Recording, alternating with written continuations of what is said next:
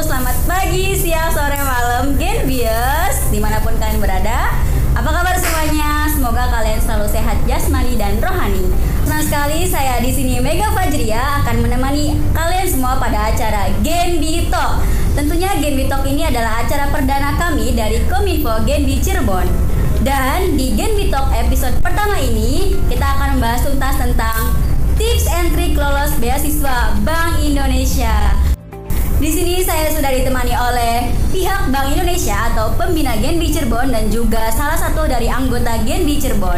Oke, langsung saja yaitu ada pembina kita yang pertama yaitu Mbak Rizka Hai semua. dan Mbak Fatia. Halo teman-teman. Dan ini ada Kak Panji dari Hai, anggota guys. Genbi Cirebon. Oke, di sini saya sudah mempersiapkan pertanyaan-pertanyaan dari calon-calon Genbiers yang sudah dikirimkan langsung melalui DM Instagram kami yaitu Genbi Cirebon. Langsung saja ke pertanyaan pertama yaitu apa itu beasiswa Bank Indonesia? Boleh dijawab oleh Mbak Fatia? Oke, em, beasiswa Bank Indonesia itu sebenarnya adalah kalau teman-teman tahu, mungkin ada yang tahu atau belum, eh, Bank Indonesia itu punya program namanya program sosial Bank Indonesia. Salah satunya itu adalah eh, gimana BI concern di bidang pendidikan.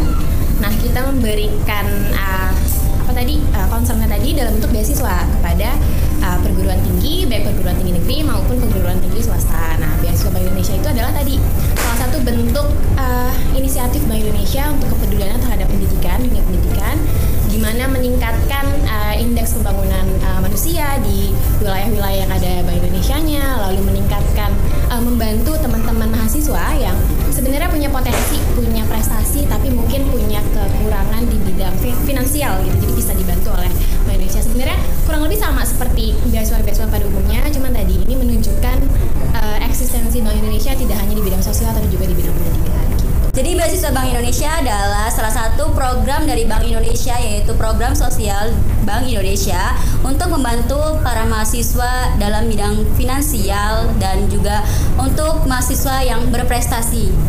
Oke, oke lanjut ke pertanyaan berikutnya yaitu apa itu Genbi? Boleh dijawab oleh Mbak Rizka? Jadi Genbi itu adalah komunitas untuk para penerima beasiswa Bank Indonesia. Kalau di tempat lain mungkin ada beasiswa-beasiswa ada banyak ya dari lembaga atau dari instansi lain tuh ada banyak beasiswa gitu. Tapi di sini Bank Indonesia eh, menginisiasikan bahwa penerima beasiswa itu nggak bi seharusnya nggak cuman menerima beasiswa melanjutkan studi itu selesai gitu. Tapi ada bekal-bekal yang mereka perlu untuk masa depan mereka. Mereka perlu untuk mengasah soft skill dan sebagainya itu.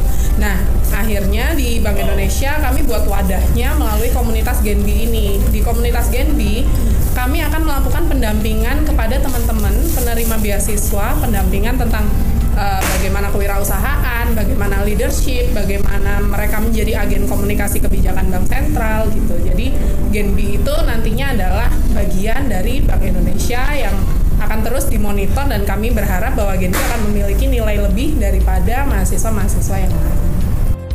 Jadi Genbi adalah komunitas penerima beasiswa dari Bank Indonesia yang di dalamnya akan dimonitoring langsung oleh pihak Bank Indonesia baik itu tentang kewirausahaan, leadership dan yang lain sebagainya.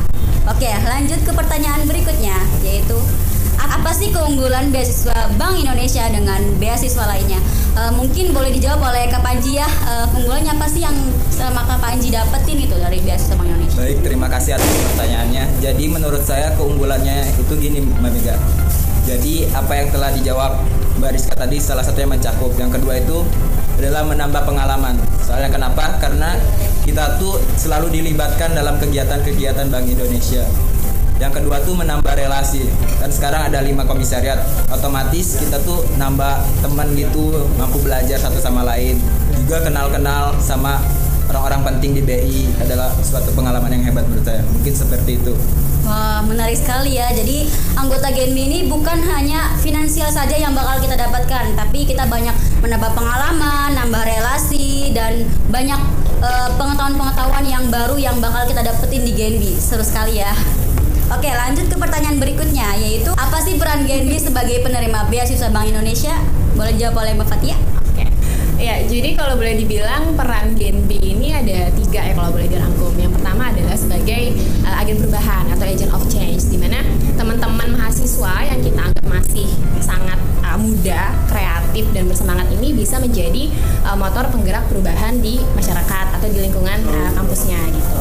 Yang kedua yaitu sebagai frontliner di mana teman-teman menjadi garda terdepan Bank Indonesia untuk mensosialisasikan peran, uh, fungsi dan tugas Bank Indonesia yang selama ini mungkin belum diketahui oleh masyarakat bisa diketahui oleh masyarakat. Jadi uh, teman-teman adalah perpanjangan tangan dari kami Bank Indonesia di daerah.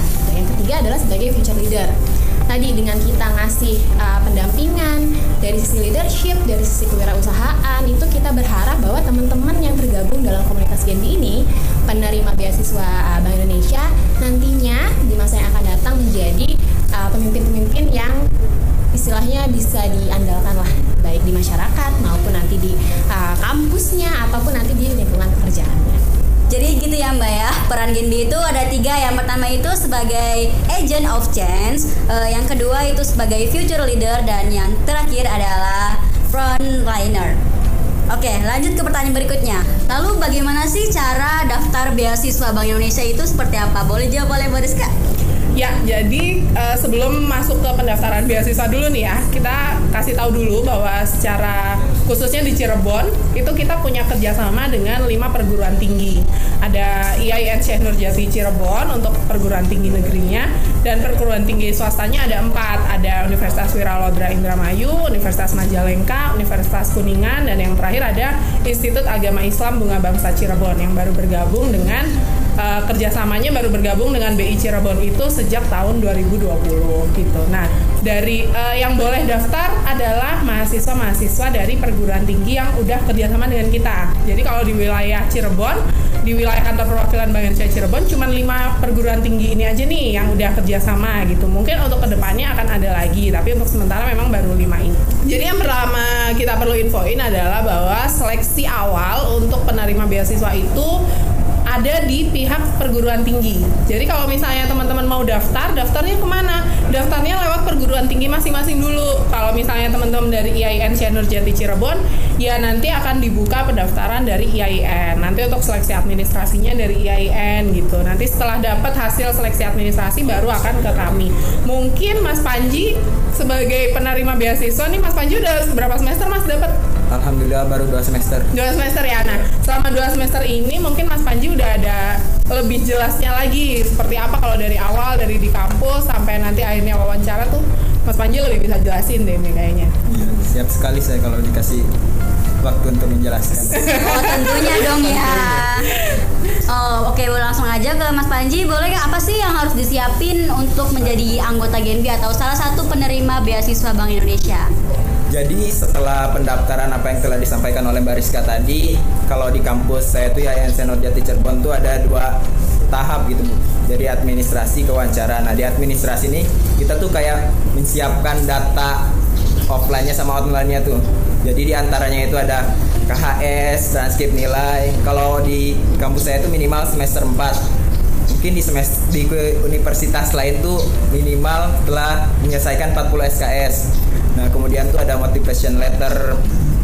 Jadi motivation letter itu menurut saya adalah satu persyaratan yang paling sulit karena kenapa itu kayak di situ tuh kayak promosi kita promosi ya, iya, promosi, promosi diri gitu. Baik dari program background kita, kegiatan, prestasi, apa tujuan kita masuk Genbi. Bahkan setelah diterima tuh kita tuh pengen berkontribusi di mana gitu. Mm-hmm Nah, kemudian ada berkas-berkas pendukung loh Kak Mega. Iya. Seperti foto, fotokopi KTP, KK, surat rekomendasi, bahkan ada surat pernyataan bahwa kita tuh gak menerima beasiswa lain, lain. gitu. Mungkin seperti itu. Mungkin di administrasi ini tuh pendaftarnya banyak gitu. Mungkin kalau di kampus ya. saya tuh 500 bahkan 1000 iya. lebih. Tapi yang diambilnya tuh cuma 100 100 besar gitu jadi kita tuh harus benar-benar loh buat motivation letter persyaratan tuh harus lengkap banget jangan sampai gugur di permulaan gitu jadi harus menuruti gitu prosedur yang ada kayak misalkan harus membuat motivation letter, membuat KHS dan transkrip nilai dan masih banyak lainnya gitu ya. Untuk tes wawancaranya seperti apa? Kalau versi saya nih ya, iya. kalau tips dari saya sebagai kan saya sudah mengalami nih salah satu poin besar gitu. Yang saya percaya banget saya lolos administrasi lolos wawancara itu karena doa ibu gitu. Karena kenapa? Kalau orang tua ridho ibu ridho semua jalan tuh kayak kebuka gitu loh pelan-pelan. Dan saya boleh cerita gitu mbak. Ke Mega pengalaman saya sebelum masuk Genbi ini teman-teman. Jadi saya tuh kontrak gitu ya. Kontrak ngelewatin sekre Genbi setiap hari mbak. Ah berdoalah dalam hati jangan didoain terus ibaratnya gitu kan doa dalam hati Allah pengen banget masuk bisa bergabung Genbi setiap lewat itu kan saya kontrakan tuh yang penikmatiku ada tiga orang gitu. Kalau ke masjid bareng tuh ah, saya ngedoa sendiri nih mbak. Gak tahu mereka ngedoa enggak gitu ya. Gak tahu kan? Nah mungkin dari situ kemudian gitu tips saya itu harus doa sih. Yang kedua tipsnya itu harus good looking tuh pas wawancara. Good looking. good looking tuh bukan cantik ganteng ya mbak Oh, bukan cantik ganteng ya, guys. Kan Definisi good lookingnya gimana? jadi menurut saya tuh good looking tuh pas wawancara tuh kita kelihatan rapi gitu enak dilihat tuh kalau cowok tuh minimal klimis lah rambutnya Klimis. Iya, soalnya rambut itu adalah mahkotanya para cowok, Mbak. Iya, setahu saya gitu sih. Iya. Kemudian tuh kenapa kita harus apa namanya? good looking tuh kita tuh harus menciptakan kesan pertama yang bagus loh, yang baik. Minimal dari penampilan. Jadi kayak penyeleksi tuh oh, ini enak banget dilihat gitu kan. Jadi kayak gimana gitu kan. Kemudian tips yang ketiga dari saya nih, Mbak. Dari saya KPG ya, yaitu adalah apa adanya gitu. Jadi diri sendiri gitu ya? apa adanya jangan mengada-ngada. Harus jujur lah intinya. Karena kenapa? Karena kejujuran itu adalah mata uang yang berlaku di mana-mana. Menurut saya ya. Kemudian jangan pernah bohong karena menurut penilaian saya terhadap penyeleksi ini, penyeleksi itu kadang lebih dari HRD loh teman-teman. Wow. Serem sekali Serius, kayak mau melamar kerja ya. Iya, jadi beliau-beliau tuh udah bisa baca gestur kita, mimik wajah kita, omongan kita tuh. Jadi kayak wah ini bocah bohong nggak, bener nggak Oh, gitu kan? iya. Seperti itu. Terus kita tuh kayak bisa meyakinkan gitu, meyakinkan pembina. Jadi atau pe- apa namanya penyeleksi tadi. Nah, misalkan saya nih pernah ditanya, kamu bakatnya apa? Misalkan beatbox. Nah di situ tuh harus dibuktiin bahasa bi- bahasa bisa beatbox. gitu. Wah, kakak bisa beatbox. Boleh Sabar. dong ditunjukin. Malu saya. Boleh nih. Boleh dong unjuk bakatnya gitu. Oh, jadi- antara malu tapi pengen juga gitu pengen, ya gitu, Ci. Iya, Mbak. iya, pengen banget ya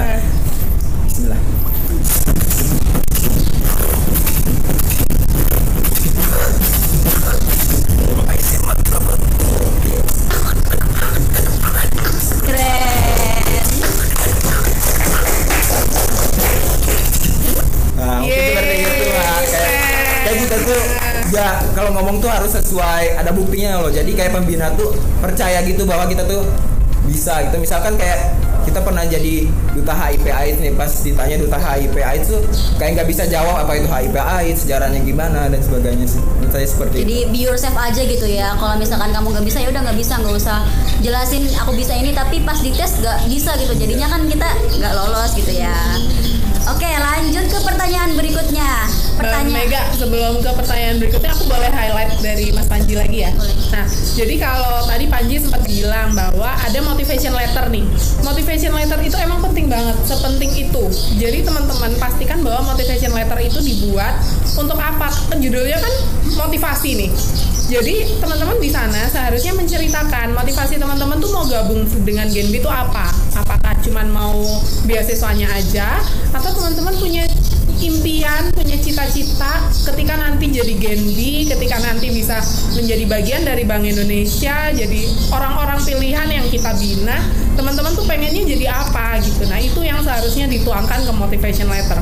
Jangan sampai Ninji ada yang motivation letternya copy paste dari teman-teman yang lain misalnya, Mbak. atau pakai Google Translate. Berasa keren banget ya udah pakai bahasa Inggris ya. Dicek lah Google Translate nggak usah. Pakai bahasa Indonesia aja tapi esensinya dapat jadi apa yang mau kamu sampaikan impian-impian kamu pengen jadi apa ketika menjadi Genbi tuh pengen dapat manfaat apa aja semaksimal maksimalnya itu kamu tuangkan di motivation letter.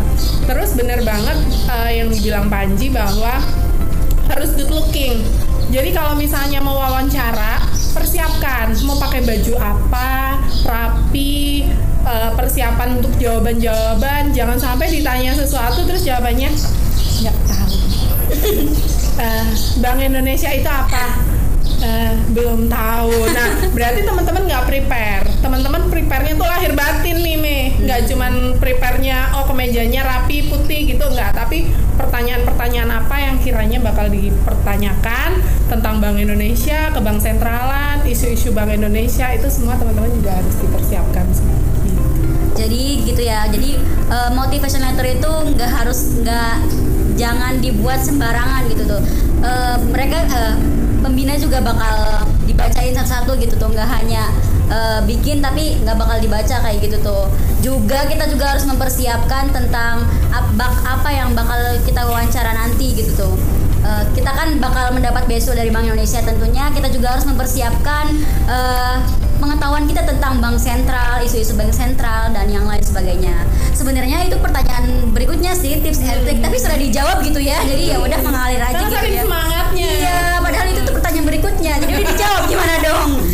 Buat uh, kalian yang ingin mendapatkan beasiswa dari Bank Indonesia atau ingin bergabung pada komunitas GNB ini, catat baik-baik ya tips itu tips trik biar kalian lolos menjadi anggota Genbi. Oke, lanjut saja ke pertanyaan berikutnya.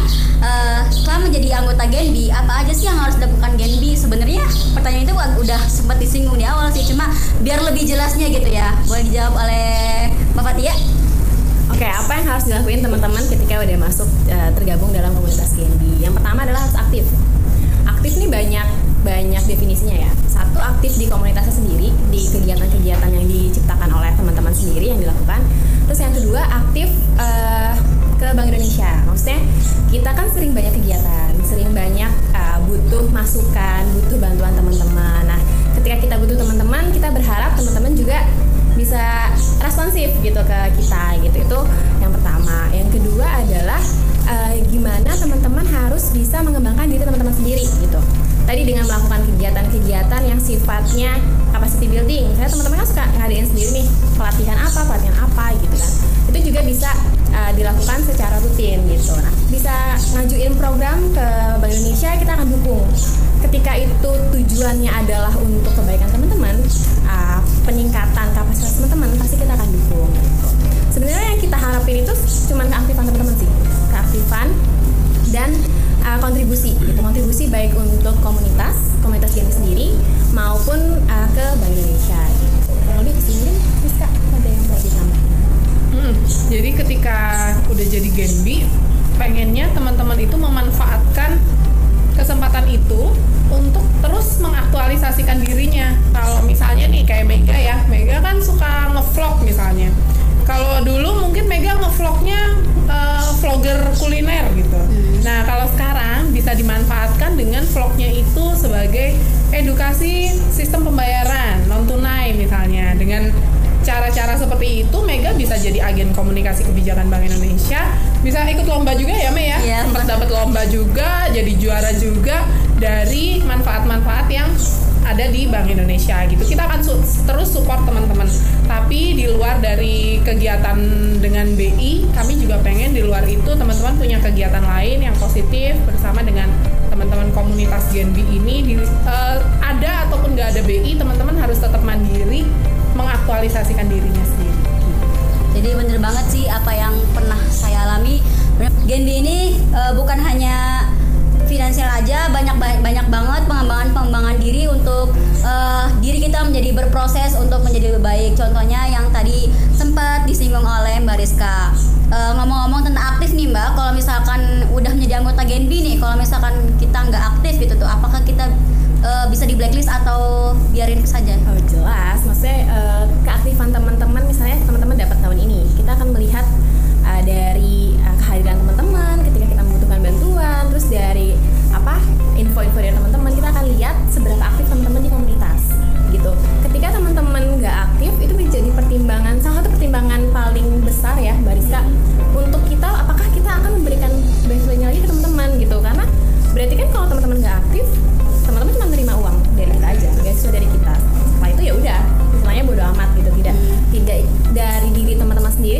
ada keinginan untuk mengembangkan diri, tidak ada keinginan untuk berkontribusi baik ke komunitas sendiri atau sebenarnya untuk diri teman-teman sendiri gitu. Padahal kan sebenarnya kegiatan-kegiatan yang dilakukan oleh Gen kan manfaatnya akan dirasakan sendiri oleh teman-teman gitu. Nah, itu benar-benar poin yang ini banget sih, yang penting banget yang akan menjadi salah satu pertimbangan kita apakah kita akan memberikan beasiswa lagi kepada uh, teman-teman apa enggak gitu. Jadi memang sangat dituntut untuk aktif berkontribusi gitu dan aktualisasi diri tadi. Okay. Jadi gitu guys, banyak banget benefit yang bakal kita dapat selama menjadi anggota Genbi. Oke, lanjut ke pertanyaan berikutnya. Banyak banget nih pertanyaan-pertanyaan dari Instagram kami yaitu eh, apakah setelah menjadi anggota Genbi mempunyai peluang untuk bekerja di Bank Indonesia? Bagaimana Mbak Fatia boleh dijawab? Oke, kalau ngomongin peluang sebenarnya semua masyarakat luas punya peluang buat masuk sebagai pegawai Bank Indonesia. Nah, tapi memang sistem rekrutmen di Bank Indonesia ini ada prosesnya gitu. Uh, lumayan panjang dan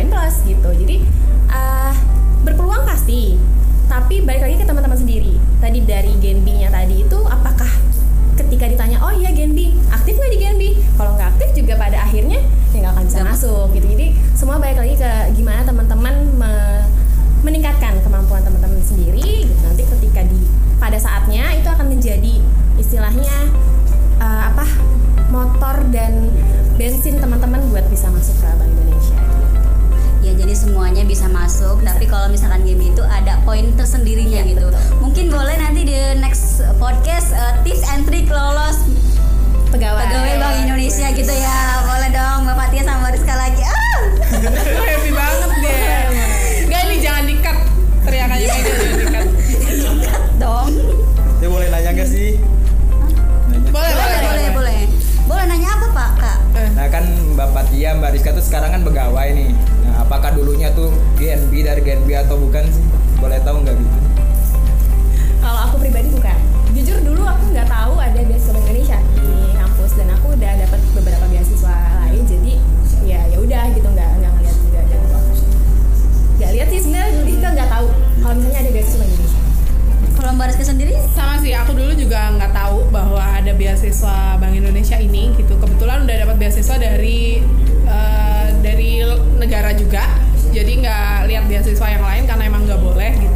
tapi seandainya dulu tahu pasti pengen Hmm, banget. pasti pengen pasti pengen banget. Karena yang kita dapat di Genbi itu kita sebagai mahasiswa dulu ya yang kita dapat di Genbi itu nggak cuma uangnya aja. Tapi yang lebih mahal dari itu tuh pengalamannya soft skillnya pengembangan dirinya itu tuh jauh lebih mahal.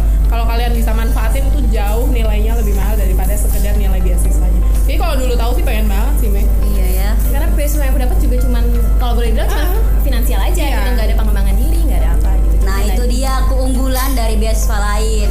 Yang beda dari yang lain ya Pokoknya limited edition gitu ya Kalau misalkan barangnya tuh. Oke Lanjut ke pertanyaan berikutnya. Nih selama menjadi pembina Gen B. Apa sih kesan pesan Bariska dan Mbak Fatia Bolehlah eh, Bariska dulu silakan. Kesan pesan menjadi pembina Gen B Cirebon. Jadi pembina Genbi itu sebenarnya hiburan. Dari sekian banyak tugas uh, ke- pekerjaan di Bank Indonesia. gitu ya. Sebenarnya kalian tuh adalah hiburan. Jadi punya 250 mahasiswa yang ada di binaan kita. Kita tuh berasa jadi kadang-kadang kita berasa jadi kayak kakak. Belum jadi ibu ya, jadi kakak dulu. kita berasa jadi kakak sih buat teman-teman gitu. Eh, kita nggak cuman kerja sama di event atau di kegiatan, tapi juga jadi tempat curhatnya teman-teman.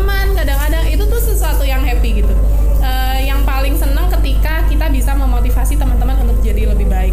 Eh, ada satu teman Genbi yang dulu pernah cerita bahwa Mbak eh, ternyata obrolan kita yang dulu tuh jadi semangat aku buat nyari kerja dan sekarang aku dapat kerjaan yang aku pengen. Nah itu jadi nilai-nilai yang ternyata jadi amunisi buat kita buat eh, hiburan sih. Ini salah satu job desk yang paling menyenangkan di Bank Indonesia adalah jadi pembina Genbi.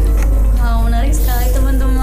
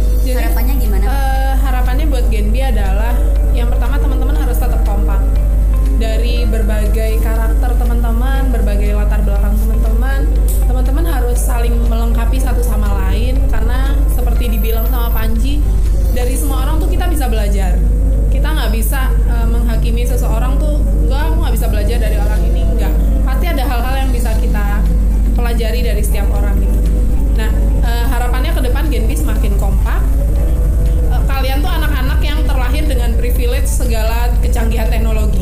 Jadi harusnya kalian memanfaatkan itu dengan optimal. Kalian bisa lebih baik lagi dari kami. Kalau kemarin aku sempat cerita sama teman-teman, kalian tuh generasi yang bisa main TikTok. Kita tuh belum bisa main TikTok gitu. Kalian udah bisa main TikTok. Artinya adalah kalian pasti akan selangkah lebih maju dari kita. Buktiin bahwa dengan menjadi Genbi itu akan jadi bekal kalian buat nanti lebih baik lagi nggak cuma buat Genbinya tapi juga buat pribadi masing-masing. Oke. Oke guys, jadi sampai di sini dulu podcast episode pertama kali ini. Eh, mungkin ada yang mau disampaikan lagi dari Kak Panji mungkin? pengen sampaikan pesan untuk Genbi ke depannya tuh lebih membangun hubungan emosional kita tuh kan sekarang jadi udah lima unit tuh. jadi kayak kita tuh membangun hubungan emosional tuh lebih dekat lagi lebih kerjasama lagi lebih kompak Harus solid lagi gitu, lebih solid lagi gitu ya. Mungkin dari Mbak Fatia ada quotes-quotes kecil gitu tuh buat eh, biar ang- calon-calon anggota Genbi tuh kayak oh bener-bener semangat gitu tuh. Jangan takut gitu walaupun saingannya ribuan tapi tetap harus tetap ikut beasiswa ini. Oke, sebenarnya aku mau buat teman-teman Genbi aja sih. Kalau orang bilang kan do, do your best ya. Tapi kalau menurutku do your best better. Gitu. Jadi do your best aja tuh nggak cukup. Gitu. Jadi ketika kalian melakukan sesuatu yang melakukan yang terbaik, tapi ya tadi jangan merasa puas. Yang terbaik kalian harus kalian lakukan lagi dengan lebih baik, lebih baik, lebih baik. Itu aja sih. Oke, do you do, Do your best better. Do your best better. Do your best better. Nggak cukup do your best aja. Oke, bagus sekali kata-katanya. Boleh di eh, boleh di itu ya, boleh catat nanti tulis di link bio Instagram itu bagus ya. Iya, daripada googling Tumblr quotes ya.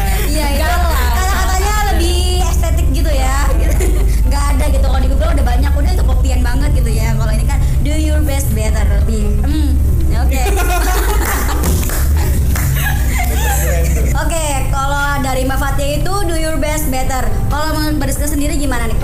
chill buat penutup lah gitu tuh. Biar ada terkesan gitu tuh selama podcast episode 1 ini. Semoga berkesan ya Mea. Oh, amin. Berkesan dong, berkesan dong. Berkesan banget Iya. dong. Kita receh banget ya. Gak ada receh. Eh, berharap Genbi itu entah siapa pun orangnya, kalian akan tetap jadi komunitas yang terus jadi amunisi buat kita Bank Indonesia ini biar tetap kuat menjalankan tugas negara. Jadi kalian tuh bagian Ngeri tuh, dari guys. Jadi kalian tuh sebenarnya adalah bagian dari eh, tugas eh, tugas negara yang kita jalankan. Jadi jangan ini ya, eh, udah dipercaya kalian harus menjalankan amanahnya. Jadi udah kayak pejabat-pejabat negara gitu ya guys, anggota Genbi. Tapi nggak bisa korupsi. Oh iya benar Iya, banget. nggak nggak bisa. Oke mungkin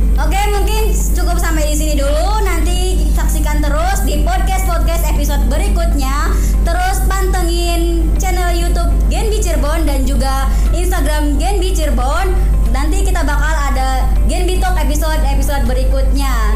Jadi nggak hanya tips and trick lolos beasiswa Bank Indonesia aja, bakal banyak tema-tema menarik yang bakal kita bahas tuntas, tuntas, tuntasnya. Oke, kita keluarkan jargon kita, Genbi Cirebon. Genbi, energi untuk negeri. Genbi Cirebon, semangat kita membangun.